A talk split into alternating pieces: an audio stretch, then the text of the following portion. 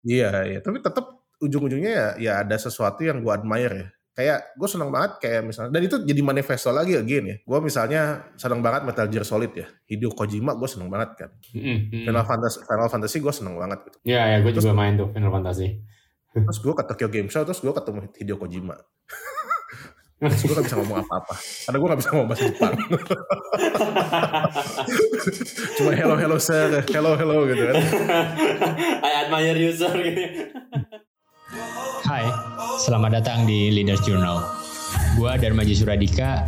Gua percaya pemimpin tidak dilahirkan, tapi dibangun oleh serangkaian cerita, nilai-nilai, dan kebiasaan kecil yang dilakukan secara konsisten.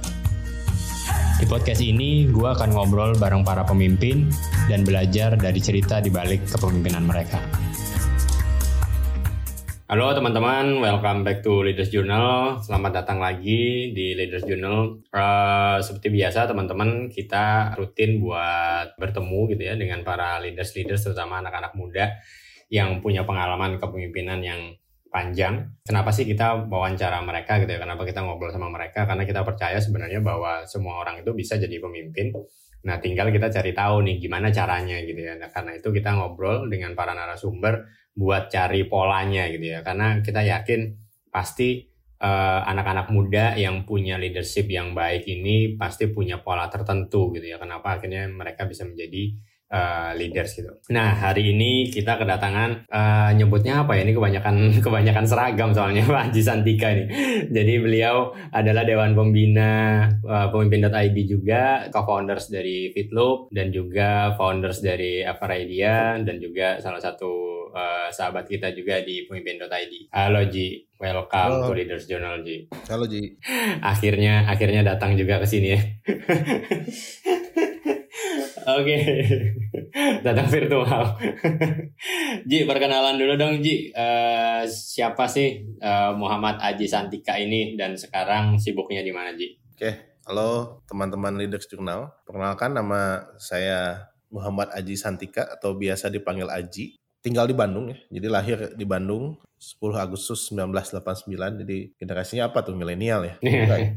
milenial, milenial. Why, why?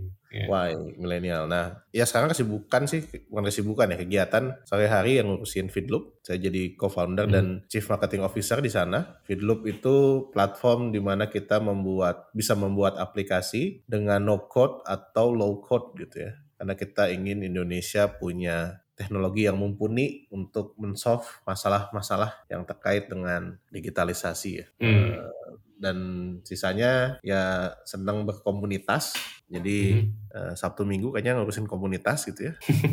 Eh, dan sekarang karena belajar coaching gitu dan memperdalam manusia senang juga gitu di waktu-waktu senggang untuk eksplorasi gimana sih people tuh bisa lebih realize aware ya terhadap dirinya sendiri dan unlock their potential to become the best version of him or herself. Itu sih paling ya. Wis, mantap. Jadi hati-hati ya eh, guys kalau ketemu Aji ini bisa di look sampai ke dalam ya Ji ya. sampai dia tahu dengan pertanyaan-pertanyaan coachingnya bisa mengeluarkan semua cerita yang layak diceritakan maupun yang tidak layak diceritakan ya. Ya, tapi perjalanan sampai coaching juga menarik ya. Mungkin bisa nanti dieksplorasi. Kenapa sih? Dulu kayaknya soalnya nggak nggak human oriented banget sih, lebih ke goal oriented banget. Benar, benar, benar, benar, benar. Oke, eh, Ji diceritain eh, ceritain juga dong Ji dari eh, lo itu dulu da- dari keluarga dari berapa bersaudara, lo anak berapa gitu kan dan ceritain sedikit tentang keluarga lo mungkin bagaimana lo dibesarkan mungkin oleh ayah atau ibu gitu ya dan eh, apa yang lo ingat gitu lo pelajarin dari mereka. Oke, eh, jadi gue tuh dibesarkan di Bandung ya, karena memang asli Bandung gitu, lahir di Bandung. Eh, keluarganya dua bersaudara, anak pertama, terus adik lahir tanggalnya cuma beda sehari ya, cuma beda tiga tahun tapi jadi eh, pusing kali ibunya sama bapaknya ngurusin Leo berdua gitu. Nah, terus eh, ibu gua guru, guru SMA di Bandung, SMA swasta, dan bapak pegawai bank. Tapi keluarga besar ya, jadi kita keluarga tuh namanya keluarga Nata Prawira di Bandung. Fun fact-nya dulu kakek tuh yang, walaupun nggak pernah ketemu ya, yang bikin Mhm. pupuh, tembang-tembang gitulah. Hmm. Kalau belajar bahasa Sunda tuh ada pupuh ya, yang bikin kayak gitu, gitu dulu. Nah, kita itu keluarga besar ya, jadi keluarganya tuh udah 11 10 atau 11 ya. Pokoknya banyak lah. Jadi keluar Hmm. kalau ngumpul lebaran tuh rame gitu. Jadi eh, dan ya itu ya apa sih anak-anaknya. Jadi gap-gapnya aja mungkin tiap saudara. Jadi ibu gua tuh di tengah gitu ya. Jadi wah ada yang bedanya 4 tahun, lima tahun lebih tua atau yang lebih muda juga ada gitu. Nah itu hal-hal yang yang di, sering ditemukan setiap lebaran ya. Jadi kalau kumpul ya banyak. Yang dipelajari mungkin dari keluarga inti adalah tough ya. Di, sama guru kan berarti kan education itu nomor satu ya. Hmm. Jadi itu yang penting gitu ya di dalam keluarga gitu. Walaupun kan anaknya bandel gitu ya, zaman dulu gitu, uh, suka kabur-kaburan. Um, Sama, sama sekarang sekarang udah enggak sih. kabur yang lain. Sekarang sekarang kabur dari masalah. Baru dari segala macam ya, enggak sih. Jadi dari dulu tuh, uh, jadi tuh bapak tuh kan sering keluar kota Hmm, bap- bapak lu kerja di kerja di mana Ji? di bank. Uh, jadi ya keliling-keliling kota. Jadi sebenarnya banyaknya sama ibu ya, gitu. Dan alhamdulillah dulu nggak ada Cocomelon ya. Tapi dari kecil tuh seneng banget nonton yang relate to Jepang sih. Jadi Hmm. mau itu Kamen Rider atau Satria Baja Hitam lah, Ultraman, Hmm. eh, anime kayak Sensei Iya lah, baca komik kayak Doraemon, Dragon Ball gitu-gitu ya.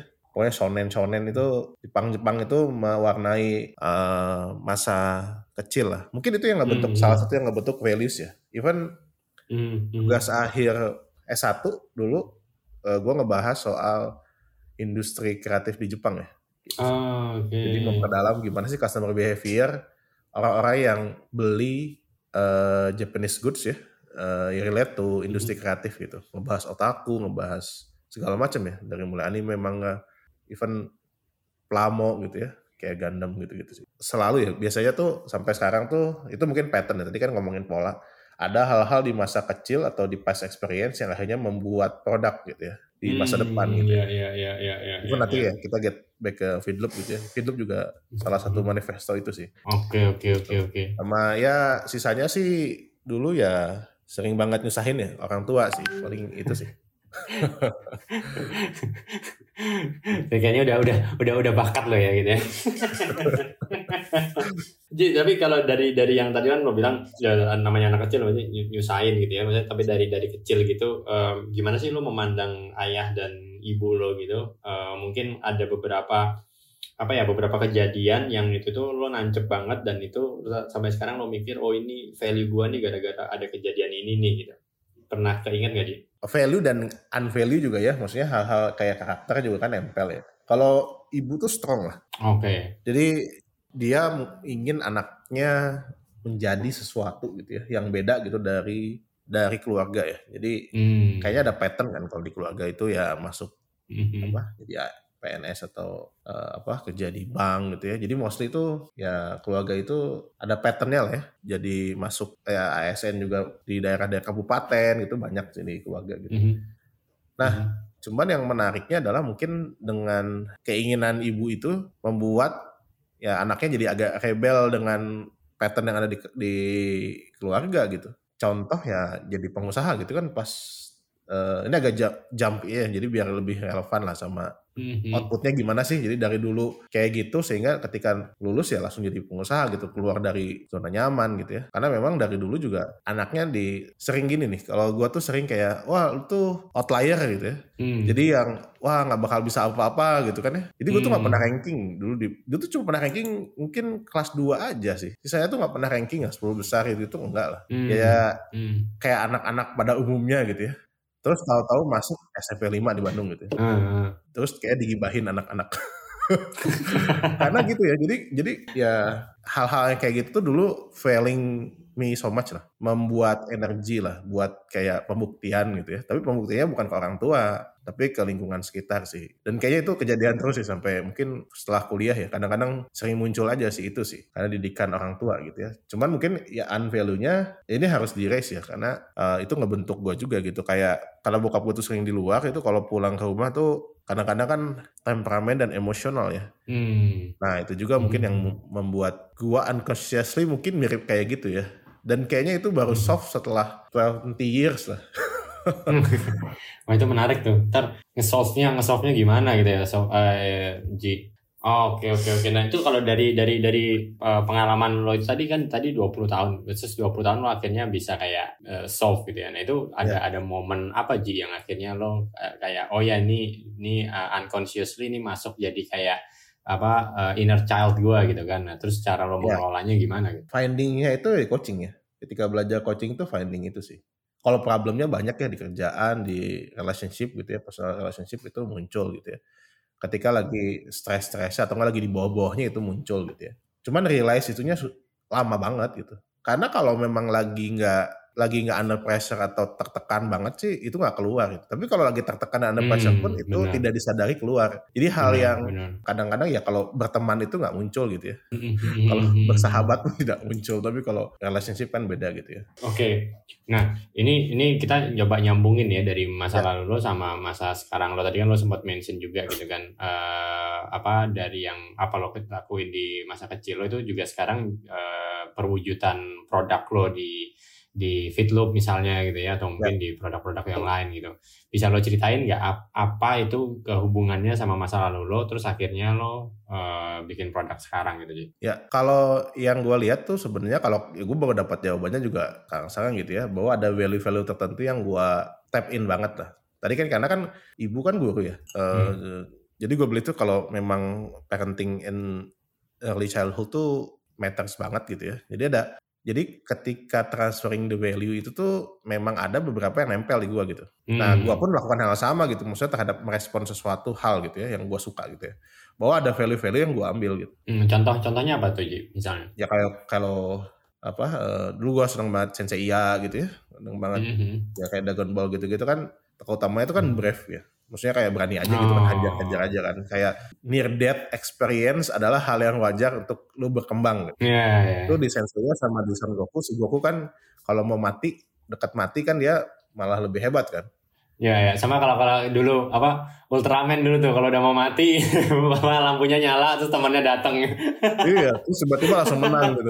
Nah hal, hal kayak gitu tuh unconsciously itu gue terapin gitu. Iya iya iya iya. Ya. Even di mana banyak hal jadi jadi anaknya jadi deadlineer gitu. Tapi deadlinernya bukan deadlineer yang ini gitu ya. Jadi kayak sengaja deadlineer gitu loh. Supaya adrenalinnya terpacu ya. Iya. Bukan karena itu jadi ada adrenalin itu yang muncul gitu buat ngelakuin sesuatu gitu. Malah ya jadi entrepreneur jangan-jangan ya gitu juga gitu kan. Iya, iya, iya. Jadi ya itu hal-hal yang kayak gitu yang yang yang gue dapetin dan dan melekat gitu ya, uh, memanifestokan itu jadi sesuatu yang yang istilahnya value creation ya. Apalagi yeah, ya Bandung, yeah. uh, kotanya pas lah buat buat buat ngelakuin itu. Jadi ada momentum sama ada nilai-nilai yang memang diterapkan gitu sehari-hari. Tapi itu masih tidak disadari kan. Hmm. Even ya sampai SMP, SMA gitu ya. Tapi kalau SMP kejebaknya sebenarnya ada satu hal juga ya. Kejebak sama main game lah. Game online kan, CS, sampai mabal gitu ya Abal hmm. tuh kabur dari sekolah gitu kan, nipu orang tua, nipu guru. Kayaknya itu pembelajaran yang, yang luar biasa juga gitu ya. Cuman lucunya gini gitu. Jadi selalu ya past experience itu mempengaruhi masa depan. Dulu kan main game hmm. Ragnarok online. Dapetin uang dari situ juga karena sempat uangnya sempat dihilangin karena main di warnet, uangnya di stop karena ketahuan main mulu gitu ya. Uangnya di, malah sempat nggak makan cuma demi main game paket game 6 jam gitu. Sampai gitu loh ya pernah ya. Sampai gitu soalnya yang si penjaganya juga suka ngasih Indomie. Oh belum makan ya ya dia bayar dia lebih gede dua puluh ribu kan dapat. Wah strategi bisnisnya ini loh warnetnya luar biasa ya. Karena gue mainnya intens ya, level 99 cepat tercapai gitu ya, terus bisa jual-jual item dari game. Jadi e, ibu gue bingung gitu, kenapa anak ini masih bisa main game padahal gak dikasih duit. kan gue jualan item di game gitu. Cuman okay. kesal, ada kesal sih kayak misalnya ini yang bawa game Ragnarok tuh siapa sih? Udah udah mah gue mesti ngeluarin duit buat warnet, terus gue mesti beli voucher nih enam puluh lima ribu sebulan. Gue kesel banget kan, maki-maki hmm. aja kan kalau udah ngomongin hmm. Lito lah, gue boleh nyebutin nih karena terus out ketika hmm. jadi cikal bakal gue bikin perusahaan game itu adalah dengan dari gue main seneng main game online ya. Ah, ya okay. kecuali berapa tahun kemudian ya belasan tahun kemudian 20 tahun lah ya eh belasan tahun lah ya ketemu Mas Aninya si Olito terus ngobrol terus jadi temen gitu kan itu kayak hal yang hmm. terus dia kan ketua Asosiasi Games Indonesia kan terus gue saya terjebak jadi anggota di Asosiasi Games Indonesia jadi ya itu tuh kalau diingat-ingat lucu aja kan Ini siapa sih? Terus Hmm. kenal, ketemu. Terus tahu industri game ternyata susah, berat gitu ya. Hal-hal yang kayak gitu tuh, ya kalau kalau di bahkan kalau diomongin ke orangnya juga kan malah ketawa-tawa gitu kan ya. Dan dan dan kalau lo main game itu kan jadi akhirnya lo kayak terpacu, terpacu lagi ya mau kayak masuk ke level berikutnya lagi, level berikutnya lagi gitu kan ya. Iya, iya. Tapi tetap ujung-ujungnya ya, ya ada sesuatu yang gue admire ya. Kayak gue seneng banget kayak misalnya, dan itu jadi manifesto lagi again ya. Gue misalnya seneng banget Metal Gear Solid ya. Hideo Kojima gue seneng banget kan. Mm. Final Fantasy, Final Fantasy gue seneng banget gitu. Ya ya gue Terus- juga main tuh Final Fantasy. Terus gue ke Tokyo Game Show, terus gue ketemu Hideo Kojima. Terus gue gak bisa ngomong apa-apa. Karena gue gak bisa ngomong bahasa Jepang. Cuma hello hello sir, hello hello gitu kan. I admire you sir gitu. Iya gitu. Terus gue nemu yang di Jepang tuh sempat ketemu sama Nobuo Matsu gitu kan. Nah itu sama gue gak bisa bahasa Jepang gitu. Tapi kan gue ketemu gitu hal-hal yang jadi eh, childhood hero-nya itu ketemu gitu kan. Hal-hal kayak gitu muncul gitu. Nah Ya ya. itu eh, kadang-kadang surreal ya. Jadi kayak sesuatu yang beyond gitu ya. Tapi it happens in my life gitu. Ya itu mungkin gak, gak, gak di, ketika lu berpegang teguh sama nilai gitu. Kalau gue refleks sekarang ya. Nilai-nilai Hmm, itu jadi sesuatu yang prinsip hidup lu gitu ya. Jadi belief hidup lu gitu ya. Ya eventually lu akan bertabrakan mungkin dengan source of nilai itu gitu. Atau nggak lu ketemu sama sosoknya gitu ya. Atau legacy dari sosoknya gitu. Eh, dan Mhm, gue ngeliat pattern itu ada di beberapa cerita orang-orang ya terutama yang memang aware terhadap nilai-nilai dalam Hmm. hidupnya sih. Hmm, ya, ya, ya, ya, ya, ya. Benar, benar, benar, benar. Nah, Ji, kalau kita uh, back to uh, leadership topic gitu ya, kalau kita ngomongin tentang kepemimpinan gitu, lo pernah pernah ingat gak sih di momen lo di again ya di masa lalu gitu, yang pertama kali lo akhirnya uh, entah pertama kali memimpin atau pertama kali sadar gitu ya, kalau lo gua, uh, gua harus take the lead nih gitu kan. Nah itu uh, pernah kebayang nggak itu waktu waktu kapan Ji kira-kira Ji? Karena gue anaknya outlier, jadi sebenarnya gue ahead lead, to lead something sih. Jadi Hmm, momen lead tuh kayak SMP atau SMA tuh gue ngehindar lah kalau ngelit-ngelit. Apa ya, kayak baggage aja gitu. Kalau ngelit tuh kayaknya, aduh bikin capek ah. Eh, nambah-nambah kerjaan gitu ya. Lebih baik main game, again gitu ya. Dan di Hmm. game pun nggak nggak nggak jadi leadernya gitu kan, ikut aja gitu kan ya. Ada yang tadi kan kabur dari Hmm. sekolah ikut, gitu. bukan provokatornya gitu kan dulu. Cuman itu berubah, momen yang bikin berubah itu ketika mau masuk kuliah sih. Jadi eh, mungkin momentum itu yang agak merubah karakter ya, eh, behavior Hmm. dan segala macam tuh. Dulu tuh pengen banget masuk ITB dan pengen masuk seni rupa ya, sama- atau nggak arsitek lah. Karena dulu Oh, seneng oke. gambar. Wah ini fun fact nih, gue gua baru tahu nih kalau lo mau masuk seni rupa ITB. Seni rupa ITB udah udah les segala macam kan. Oke, Terus pas oke. mau tes harus tes buta warna, gue nggak lolos. Ternyata gue buta Oh. warna parsial. Buta warna terus nggak bisa kan down kan. Hmm. Ya udah kayak nggak ada sense of purpose-nya hilang lah dalam hidup gitu kan. Terus fail Hmm. all the test lah. Sampai SNMPTN juga waktu itu fail juga gitu ya masuk ITB gitu. Jadi gagal nih masuk ITB. Sedangkan teman-teman dekat pada masuk ITB. Hmm. Jadi gue dulu di SMA 8 ya. Teman-teman tuh pada masuk ITB tuh. Dan terdekat-terdekat tuh. Kayaknya semuanya ya. eh, perminyakan, Hmm, farmasi, SBM gitu. Even temen terdekat bang, sebelah, bangku ya. Yang dia kayak nggak mau masuk kam ITB gitu. Tiba-tiba masuk ITB gitu. Teman belajar tuh ITB aja semua. Wah kan stres ya. Ya, ya. Dan gue nggak ada passion buat masuk tempat lain. Masuk unpar gitu. Masuk ikut tes ya. Hmm. empat gitu gitu enggak deh. Tapi somehow ya entah kenapa nggak tahu ya kayak mungkin ibu gua daftarin gitu ya ke Politeknik Telkom gitu ya. Ya udah coba dulu aja gitu kan. Ya udah gue mau lah. Dibandingin tapi gue pengen tetap tahun depan masuk ITB gitu kan ya. Hmm, hmm. jadi eh, somehow teman-teman gua yang masuk ITB ini sering main ke rumah ketika Hmm. lagi di ospek. Jadi gua tahu Hmm. proses di ITB lah. Dan ya apa ya bounce back-nya jadi cepet buat pengen masuk ITB lagi gitu. Teman turning point-nya sebenarnya pas lagi orientasi mahasiswa di Politeknik Telkom itu datang tuh kucuk-kucuk-kucuk Pak Budi Raharjo kan nyentrik ya. Hmm. Pak Budi Raharjo tuh salah satu dosen di ITB, entrepreneur juga, terus juga dia salah satu role model lah ya di Hmm. komunitas Hmm. gitu ya. Hmm. Karena dia bikin segala macam gitu kan kayak .id tuh dia gitu kan. Gagal dia gitu kan. Hmm. Cyber security di Indonesia tuh gagal dia gitu kan. Semua tuh gagal dia tapi dia orangnya Hmm. humble banget gitu dan di Bandung. Dengerin presentasinya menarik banget gitu ya. Apa uh, dulu mungkin blow my mind lah tentang dream gitu ya, tentang uh, apa cara melihat masa depan gitu ya. Itu kan mm -hmm. nanya tuh mhm. habis acara nanya ke Pak Budi. Uh, terus ditanya Pak Budi, terus kamu maunya apa nih? Uh, ngobrol sama saya gitu. Tapi kan masuk ITB Pak, tapi nggak nggak dapet curhat kan malah curhat. Oh ya udah hmm. kalau gitu, ngapain kamu masih di sini gitu? Ya belajar lagi aja sana gitu. Besoknya hmm. gue cabut dari Politeknik Telkom. Langsung benar-benar fokus persiapan buat masuk ITB gitu ya. Persiapan buat masuk ITB sama ke ITB juga. Hmm. Jadi uh. nah kenapa tuh ya gue nggak terlalu ingat gimana gitu ya tapi gue tuh jadi jadi bikin bikin sambil gue masuk ITB tuh karena gue udah basisnya desain kan gue nggak desain buat kayak kaos-kaos terus juga apa hmm. uh, jaket-jaketnya anak himpunan. Dulu teknik fisika ya jadi gue tuh bahkan bisa masuk udah jadi kenal sama anak-anak himpunan teknik fisika jaga teman-teman gue terus gue juga kayak proyekan di sana gitu. Okay. gue jadi punya akses anak ITB gitu. Padahal gue belum masuk ITB ya. Jadi gue jadi belum, belum di dalam ya.